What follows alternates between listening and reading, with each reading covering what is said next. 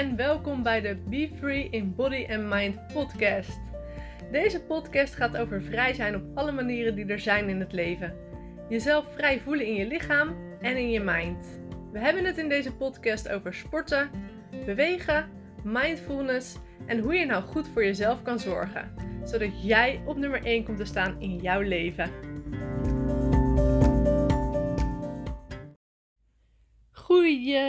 Goedemorgen of middag of avond, lieve mooie vrouw. Welkom bij weer een nieuwe podcast aflevering. En in deze aflevering gaan we het hebben over onzekerheid. En wat jij nou vandaag ook wil gaan doen om ervoor te zorgen dat je lekker in je vel gaat zitten en zekerder gaat worden over jezelf. Een negatief zelfbeeld en of heel erg onzeker zijn over jezelf ehm, kan zich uiten in heel veel verschillende manieren. Een negatief zelfbeeld kan zich uiten in heel erg onzeker zijn, ehm, in bijvoorbeeld emotie eten, in bepaalde angsten, in bepaalde controle willen hebben over bepaalde situaties in je leven. Uh, dat kan zich ook uiten in perfectionisme en dat ook eisen van de mensen om je heen. En dat kan zich heel erg uiten in dat je geen grenzen gaat aangeven in je leven. En daar heb ik al een keer eerder een podcast over opgenomen. Ik heb er zelfs een cursus over grenzen leren voelen en aangeven. Uh, deze kan je eventueel op mijn website vinden als je dit interessant vindt. Want je grenzen aangeven is super belangrijk. Maar op het moment dat jij een heel negatief zelfbeeld hebt en je dus niet zeker bent over jezelf, dan zal je ook merken dat je het heel moeilijk vindt om je grenzen te voelen überhaupt en om deze aan te geven, waardoor je dus in je leven vaak vast komt te zitten in bepaalde patronen als in uh, heel veel werken zonder dat je uh, er zin in hebt, uh, vaak ja zeggen tegen afspraken terwijl je eigenlijk nee wilt zeggen. Um, het kan zich uiten in afspraken maken met vriendinnen waar je geen zin in hebt. Maar het kan ook veel verder gaan dat je dus in relaties komt waarbij je uh, geen stop durft te zeggen. Dat je mensen aan gaat trekken die misbruik van je gaan maken, geestelijk, emotioneel. Het kan uh, zijn dat je narcistische uh, vriendjes aantrekt. het kan best wel extreem gaan worden op het moment dat jij niet je grenzen weet aan te geven. En dit kan dus allemaal voortkomen uit een negatief zelfbeeld en uit heel erg onzeker zijn. Maar we gaan het eerst even hebben over um, waar het nou vandaan komt, dat negatieve zelfbeeld, en hoe het nou komt dat je super onzeker bent. Vaak is dit ontstaan in je kinderjaren namelijk. En um, als kind zijnde van je eerste levensjaar tot je zesde levensjaar ongeveer, uh, heb jij geen filter. En alles wat er op dat moment aan jou verteld wordt, geloof jij en neem jij aan als waarheid. En dat sla je in je onbewustzijn op. Dus laat zeggen dat jij als kind uh, vaak te horen hebt gehad dat je, of vaak te horen hebt gekregen van uh, je ouders of uh, van je lerares of je verzorgers of whatever, dat jij niet slim bent of dat je stom bent. Als kind sla je dit dus op in je onbewustzijn en dit wordt jouw waarheid, waardoor je dus uiteindelijk ook echt daadwerkelijk gelooft dat jij stom bent en dat jij niet slim bent um, en dat is dus ook hoe jij gaat leven in je leven. Dit is wat jij gelooft. En uh, bij alles wat uh, zich afspeelt in jouw leven, komt dit naar voren. Bijvoorbeeld, er is je altijd verteld dat je niet slim bent. En op school ga jij een toets maken en je denkt toch al van tevoren van jezelf: ik ga dit niet halen, want ik ben niet slim. Um, ja, dit kan natuurlijk ook zijn dat je bijvoorbeeld daardoor heel erg um, angst krijgt om te falen omdat je altijd gehoord hebt: je bent niet slim, je bent niet slim. Dus dit is jouw waarheid geworden. Daarom is het altijd super belangrijk uh, dat je heel erg goed oplet hoe je tegen kinderen praat. Tot hun zesde levensjaar, maar daarna natuurlijk ook. Want kinderen die nemen alles aan van volwassenen en van verzorgers en van leraren, leraressen. Uh, die nemen alles aan als waarheid. Want kinderen denken dat wij alles weten. Nou is dat natuurlijk helemaal niet zo. wij weten helemaal niet alles. We weten misschien veel, maar we weten ook niet altijd precies wat het beste is. En het is ook niet erg als jij dingen tegen je kinderen hebt gezegd waarvan je later spijt hebt. Het is helemaal niet erg. Als je er maar voor zorgt dat je kinderen ook altijd positief stimuleert. Dus altijd complimenten geeft en meer de uh, goede kanten benadrukt dan de slechte kanten. Dit betekent trouwens niet dat je ze geen grenzen moet aangeven. Of um, dat je geen grenzen moet aangeven aan je kind. Want een grens aangeven bij een kind schept voor een kind duidelijkheid en daarmee ook veiligheid. En daarbij kom ik dus ook op het volgende punt. Op het moment dat jij als kind zijnde juist geen grenzen hebt gekregen en jij mocht altijd alles van jouw ouders en daarmee ook waarschijnlijk met de beste bedoelingen van je ouders, maar je was vroeger gewoon ehm, ja, misschien een beetje een verwend kind. En dat wil ik niet in een negatieve vorm zeggen, maar een verwend kind in de zin van je ouders proberen het bijvoorbeeld te compenseren dat ze altijd aan het werk waren en daardoor mocht je altijd alles en kreeg je altijd alles. Als je als kind zijn op die manier nooit een grens hebt gekregen van dingen die wel en niet mochten, ehm, dan ga je je als kind zijnde eigenlijk heel erg onveilig voelen. Als ouders zijnde denk je dat je het goed doet voor je kind, dus je verwent je kind lekker en ehm, je doet dit natuurlijk ook uit het volle liefde.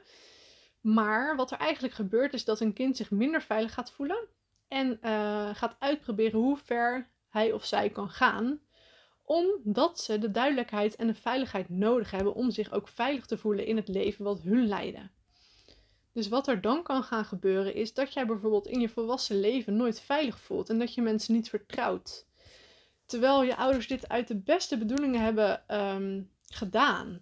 En dat is altijd zo met ouders. Hè? Over 9 van de 10 keer hebben ouders de beste bedoelingen bij hun kind en bij hun opvoeding. Dus het is niet zo dat je iets wel of niet goed hebt gedaan. Alleen het is goed om te weten dat er dus bepaalde patronen en een bepaald negatief zelfbeeld voortkomen uit je kinderjaren. We hebben allemaal als kind zijn bepaalde overtuigingen meegekregen van onze verzorgers, van onze ouders, vanuit onze geloofsovertuiging, vanuit de school en de opleiding die je gevolgd hebt. En dat is jouw waarheid geworden. Het betekent niet dat dat de ultieme waarheid is, maar dit is jouw waarheid in jouw wereld. En dat wordt altijd generatie op generatie overgegeven. En dat is gebeurt er dus ook als jij een negatief zelfbeeld hebt of uh, minder goed um, of heel onzeker bent. Het kan namelijk ook heel goed zijn dat jouw moeder of je vader ook een heel negatief zelfbeeld heeft. En dat die ook heel erg onzeker zijn. En dat dit ook iets is wat hun hebben overgegeven aan jou. En dat uh, betekent ook dat het negatieve zelfbeeld generatie op generatie op generatie zich voortzet. Totdat jij op dit moment, als jij nu bijvoorbeeld naar deze podcast luistert en je bent je er bewust van dat je super onzeker bent en daardoor jezelf niet vrij voelt in het leven wat je wil gaan leiden, dat je daar een stop voor gaat zetten en dat je daar dus hulp bij gaat zoeken.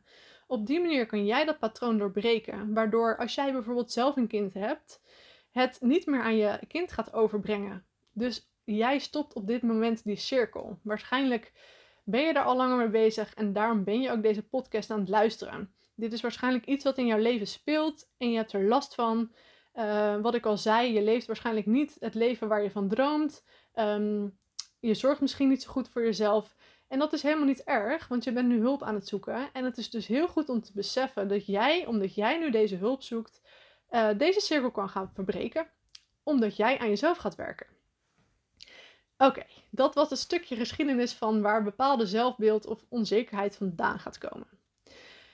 En wat gebeurt er nou als jij heel erg onzeker bent? Het kan zo zijn dat jij bijvoorbeeld kampt met overgewicht. En dat je denkt dat je heel erg onzeker bent omdat je overgewicht hebt. Ik heb het al eens een keer eerder in een uh, Instagram post over gehad. Het is eigenlijk precies andersom. Je hebt overgewicht omdat je onzeker bent. Je bent niet onzeker omdat je overgewicht hebt. Dus luister heel goed. Je bent niet onzeker omdat je overgewicht hebt. Je hebt overgewicht omdat je onzeker bent. En dit komt omdat jij de onzekerheid probeert te onderdrukken door bijvoorbeeld te gaan eten. Dit is één voorbeeld daarvan. Hè? Er zijn natuurlijk heel veel voorbeelden van onderdrukking van emoties. Daar heb ik het al vaker over gehad. En heel veel eten kan er daar één van zijn. Bepaalde eetbuien kan er één van zijn. Maar het kan bijvoorbeeld ook zo zijn dat je uh, juist heel weinig gaat eten ook een manier om emoties te onderdrukken. Het kan ook zo zijn dat jij altijd super druk bent en dat je altijd maar aan het werk bent, aan het rennen, aan het vliegen bent. Ook een manier om bepaalde emoties te onderdrukken. Zo heeft iedereen natuurlijk altijd wel iets eh, wat je af kan leiden van bepaalde emoties. En dat is helemaal niet erg. Maar op het moment dat je erin vastloopt en dat het niet meer gezond is voor je, zoals bijvoorbeeld overgewicht, ondergewicht, uh, zoveel stress dat je in een burn-out raakt omdat je altijd druk bent, dan is het wel tijd om er iets aan te gaan doen en deze patronen te gaan herkennen. Ehm, wat er alleen vaak gebeurt in de geestelijke gezondheidszorg is dat het probleem aan zich wordt aangepakt uh, en dat de onderliggende gedachte er niet bij aangepakt wordt. Daarom kom je vaak op de verkeerde plekken terecht als je uh, geestelijke gezondheidshulp, als je hulp wilt hebben uh, bij dit soort stukjes helen. En dat is echt heel erg spijtig, want um, dat is helemaal niet nodig. Het kan namelijk heel goed geheeld worden. Alleen op het moment dat je alleen de voeding bijvoorbeeld aanpakt, zoals uh, eetbuien, en je daarop gaat richten, maar je niet op gaat richten op het stukje wat eronder zit en waarom je die bepaalde eetbuien hebt, dan zal je altijd weer terugvallen in dit patroon. Want dit is jouw veilige patroon en dit is de manier voor jou om niet te voelen, om jouw emoties te onderdrukken. Nou neem ik het stukje voeding als voorbeeld, omdat dat voor vrouwen vaak heel erg herkenbaar is. Maar het kan natuurlijk ook een bepaalde angst zijn voor iets. Zoals bijvoorbeeld de angst om een opleiding te gaan volgen. Omdat jij altijd gehoord hebt dat je niet slim genoeg bent. En jij daarom denkt dat je deze opleiding niet zou gaan halen. En dat dan je gevoel weer bevestigd wordt dat jij niet slim genoeg bent. Deze angst komt ook voort uit je onzekerheid. Um, dus je bent niet uh, onzeker omdat je angst hebt. Nee, je hebt de angst omdat je onzeker bent. Dus weer precies hetzelfde als met de voeding. Daarom is het altijd heel belangrijk om de kern te gaan aanpakken. Waarom ben je onzeker en waar is dit ontstaan? Waarschijnlijk in je kinderjaren. En soms is het niet eens erg als je niet weet waar het ontstaan is. Het is wel fijn om erachter te komen dat je dit patroon hebt. Maar soms is het zo ontzettend um, subtiel gegaan dat je er geen weet van hebt. Ik ben bijvoorbeeld ook altijd super onzeker geweest en uh, durfde nooit uh, te gaan staan waar ik voor stond. Of ik durfde nooit het leven te gaan leiden waar ik van droomde. Omdat ik altijd geprogrammeerd was met het feit dat ik niet goed kon leren. Um, dat je altijd maar gewoon uh, het 9 tot 5 stukje moest gaan um, aannemen, gaan werken, huisje, boompje, beestje. Nou, dat verhaal ken je wel. Um, en dat ik uiteindelijk in een kapsalon werkte en ik had er geen idee van dat ik überhaupt iets anders met mijn leven kon gaan doen. Dat, dat, dat idee stond niet eens in mijn hoofd. Ik wist niet eens dat ik deze dromen had, want ik had niet eens het gevoel dat dat ooit zou kunnen. Voor mijn gevoel kon ik namelijk niks anders. Ik kon namelijk niet goed leren. Ik was niet goed in de Nederlandse taal ben ik trouwens nog steeds niet. Maar dat betekent niet dat het me tegenhoudt om bijvoorbeeld voor jullie een podcast in te spreken of een Instagram post te maken of dingen op mijn website aan te passen. Ik weet, er staan vaak spelfouten in, maar dat maakt niet uit als de boodschap maar overkomt bij jullie. Want ik sta ervoor om jullie te helpen, omdat ik wil dat iedereen vanuit zijn volle potentie gaat leven en alle angsten en emoties gaat leren herkennen en daarmee ook de onzekerheid gaat aanpakken. Zodat je ook echt daadwerkelijk het leven kan gaan leiden waar je van droomt. Want ik weet gewoon dat dat voor iedereen mogelijk is. En ik gun het iedereen ook echt, omdat ik het zelf heb meegemaakt. Dus daar heb ik gewoon mijn werk van gemaakt. En als je mij 15 jaar geleden had gevraagd dat ik überhaupt zoiets zou gaan doen of durven. Nou, ik, ik denk dat ik. Nou ja, ik had er heel veel overtuiging over, maar ik denk dat het niet eens in mijn hoofd was opgekomen en dat ik ooit zoiets zou kunnen gaan doen. Want ik ja, was ervan overtuigd dat ik niet goed genoeg was. Ik kon niet leren, dus een opleiding tot mindfulness coach kon ik niet doen. Ehm, ik kon niet goed leren, dus ik had ook geen opleiding kunnen doen tot fitness trainer. Ik was niet goed in de Nederlandse taal, dus daarom zou ik nooit teksten kunnen gaan schrijven voor een website. Daardoor kon ik nooit een cursus maken voor mensen. Want dan uh, moest ik ook heel veel teksten gaan maken. Daardoor zou ik geen Instagram posts kunnen maken. Nou, noem maar op. Er waren zoveel overtuigingen waarom ik dit werk niet zou kunnen gaan doen. 10 jaar geleden of 15 jaar geleden.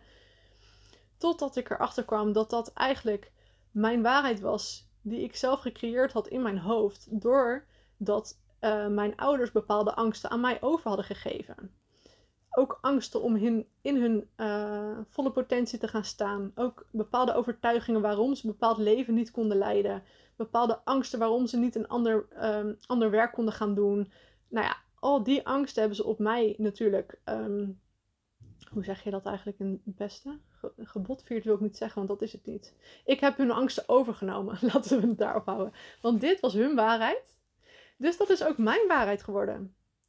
Maar wat er bij mij onder zat was dat ik altijd diep van binnen toch ergens geloofde dat zijn wat er was.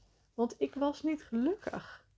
En ik heb er op een gegeven moment echt zo hard mijn best voor gedaan om, te, voor, te, om, ervoor, sorry hoor, om ervoor te gaan zorgen dat ik wel gelukkig ging worden. En te gaan zoeken wat ik wilde en waarom ik dit wilde en waarom ik het niet durfde. En dat is natuurlijk een heel traject geweest. Dat is niet uh, over uh, drie maanden gegaan. Maar ik denk wel over een jaar of vijf, zes, zeven misschien wel. Maar ik ben zo dankbaar dat ik dit door heb gezet, jongens. Want daarom sta ik nu waar ik nu ben. En daarom weet ik ook dat ik dit soort dingen aan mijn dochtertje kan overgeven. Daarom weet ik ook dat ik de cirkel van onzekerheid heb doorbroken.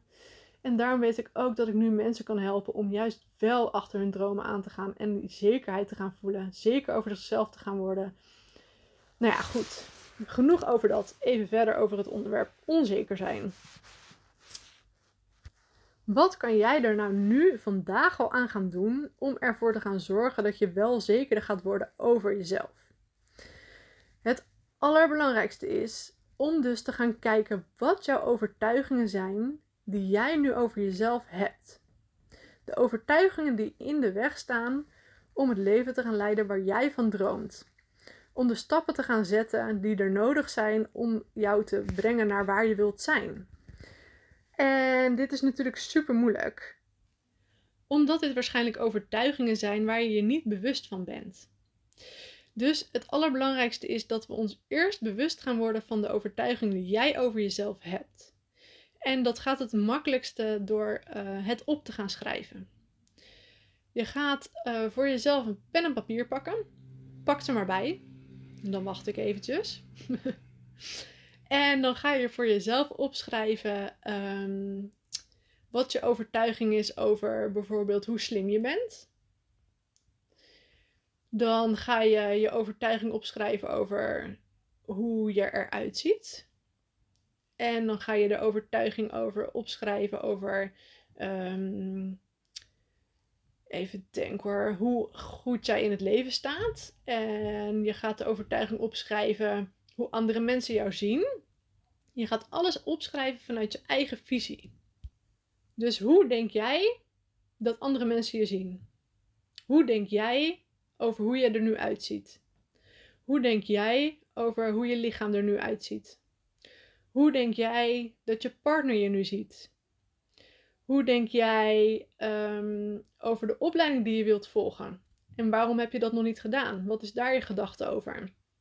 Um, als je denkt over hoe jouw ideale leven eruit zal zien, uh, wat is de overtuiging erbij? Wat zijn je gedachten erover waarom dat nu niet zou kunnen?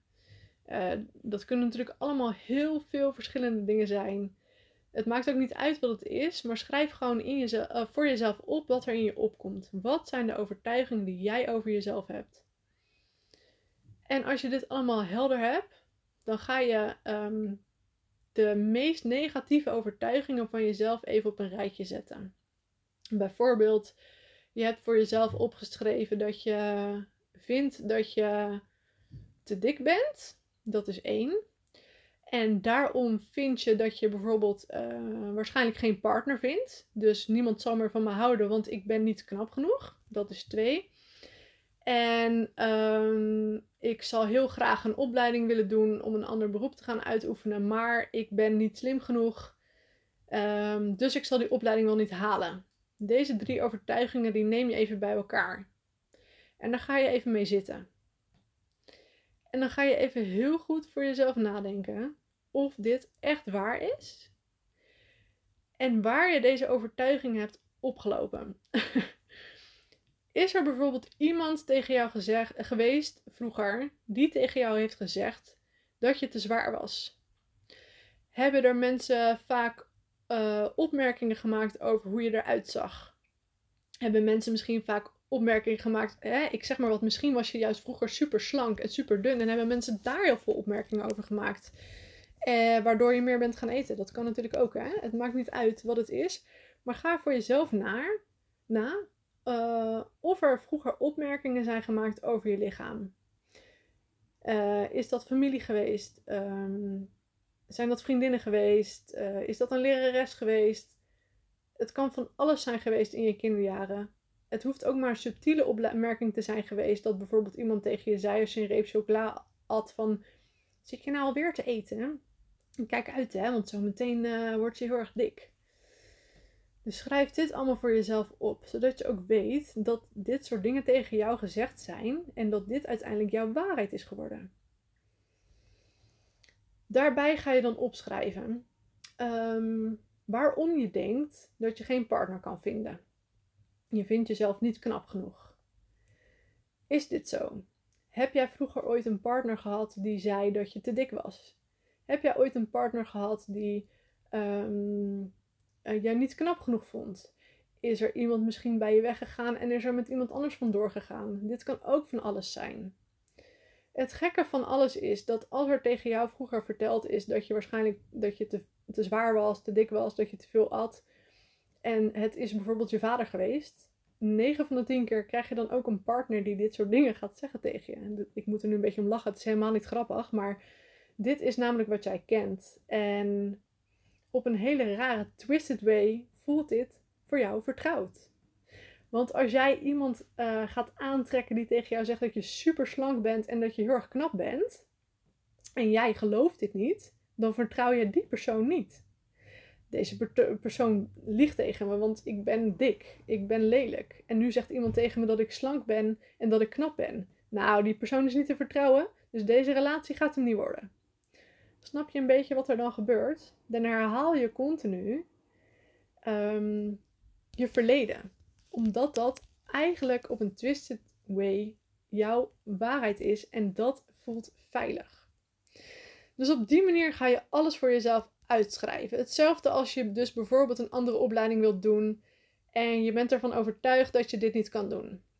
Want je hebt bijvoorbeeld geen geld, want je bent niet slim genoeg, uh, ook allemaal verschillende redenen. Als we er bijvoorbeeld van uitgaan dat je deze opleiding niet gaat volgen omdat jij denkt dat je niet slim genoeg bent, ga dan ook na of dit vroeger ook wel eens tegen jou gezegd is. Ben je uh, bijvoorbeeld op school een keer. Is er misschien een keer een opleiding. Of, opleiding. Oké, het gaat verkeerd. Overnieuw. Is er misschien een keer een opmerking tegen je gemaakt um, dat je niet slim genoeg was? Um, haalde je misschien niet hoog genoeg cijfers en werd je daardoor op je vingers getikt. Waardoor je juist nog minder je best ging doen en in een patroon terecht kwam waarvoor je ouders zeiden dat je niet slim genoeg was. Uh, dit is ook iets heel erg moeilijks, omdat de leermaatschappij waar wij in zitten is heel erg gericht op prestatie en op leren. En als jij niet goed kan leren en je bent bijvoorbeeld niet zo goed in de Nederlandse taal, dan um, wordt er vaak gezegd dat je niet heel slim bent. Tegenwoordig worden kinderen natuurlijk ook in steeds meer hokjes geplaatst over hoe slim ze zijn, wat voor niveau ze halen. Nou ja, dat was vroeger natuurlijk al zo. Je ging naar het VMBO, het VBO, de MAVO, de HAVO, de VWO. Ja, en als je dat gehaald had, dan was je echt super slim. Maar dit is natuurlijk gewoon iets wat verzonnen is. Want als jij niet goed kan leren, betekent het niet dat je niet heel erg slim bent. Als jij heel veel spelfouten maakt, betekent dat ook niet dat je dom bent.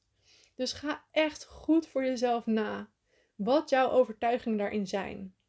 Mijn overtuigingen waren ook dat ik niet super slim was omdat ik veel spelfouten maakte. Dat heeft helemaal niks met je intelligentie te maken. Als jij super goed met je handen kan werken, daar heb je ook je hersens voor nodig. Dus dan ben je ook super slim, om het zo maar te zeggen. Sowieso slim en dom. Ik bedoel, dat wordt gemeten vanaf je IQ, maar dat is voor iedereen natuurlijk iets anders. Dus ik ben het met dat stukje helemaal niet eens wat er op school geleerd wordt. En ik ben het er ook helemaal niet mee eens dat we mensen in hokjes plaatsen op die manier. Maar ga dus goed voor jezelf na wat jouw overtuigingen daarin zijn. Het kan ook zijn dat jij mensen in je naaste omgeving hebt en dat jij ook ziet dat diegene bijvoorbeeld vaak spelfouten maakt. En dan denk jij ook onbewust, je, die is niet zo slim. En dat komt omdat jij deze overtuiging hebt meegekregen van vroeger. En als je dit allemaal voor jezelf op een rijtje hebt staan, dan ga je dus je meest negatieve gedachten over jezelf in een zin plaatsen. Dus jouw overtuiging is: uh, ik ben niet slim genoeg, ik ben lelijk, um, ik ben dik.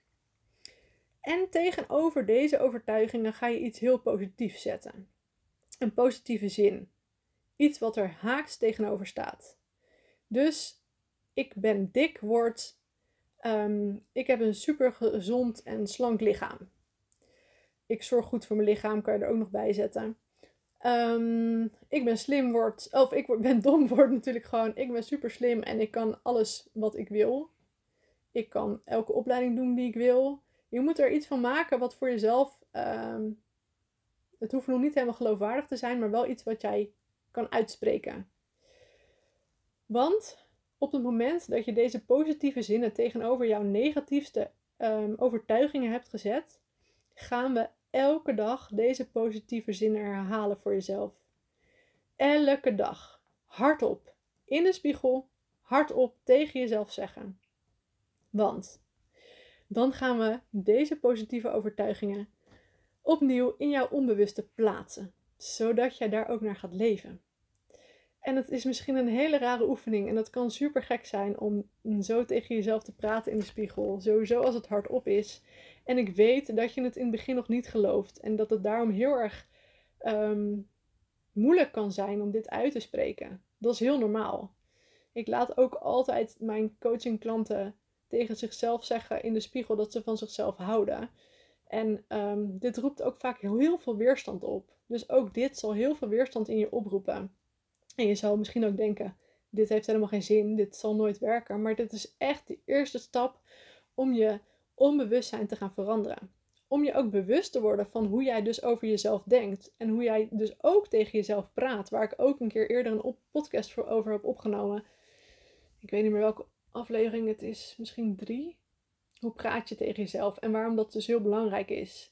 En dit is dus ook iets wat je in, uh, vaak onbewust doet. Je hebt niet eens meer door hoe je tegen jezelf praat en wat je overtuigingen zijn. En op het moment dat je er niet meer bewust van bent, kun je het ook niet veranderen. Daarom gaan we ons er eerst bewust van worden. Wat zijn jouw negatieve overtuigingen? Zet er een positieve overtuiging tegenover en ga die voor jezelf herhalen, hardop, elke dag in de spiegel.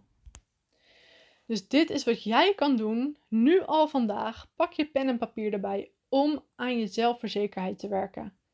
Om dat stukje onbewuste bewust te worden van dat stukje. Oké, nog een keer overnieuw. Om van dat stukje onbewuste bewust te worden van jouw onbewuste negatieve overtuigingen over jezelf, over je leven, over je opleiding, over je uiterlijk, over alles waar je nu tegenaan loopt.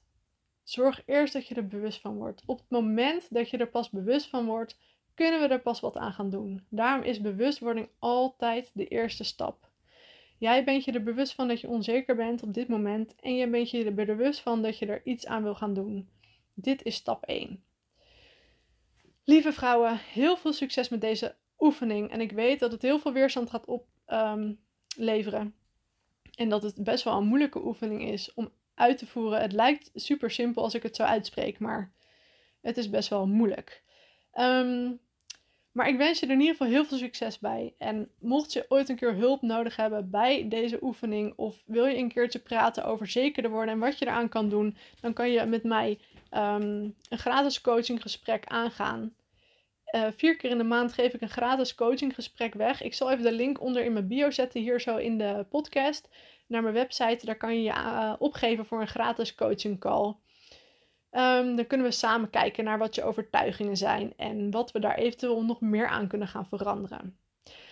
Voor nu wens ik jullie nog een hele fijne dag en ik hoop dat jullie wat hebben gehad aan deze podcast. Laat het me weten. Dat vind ik altijd super leuk.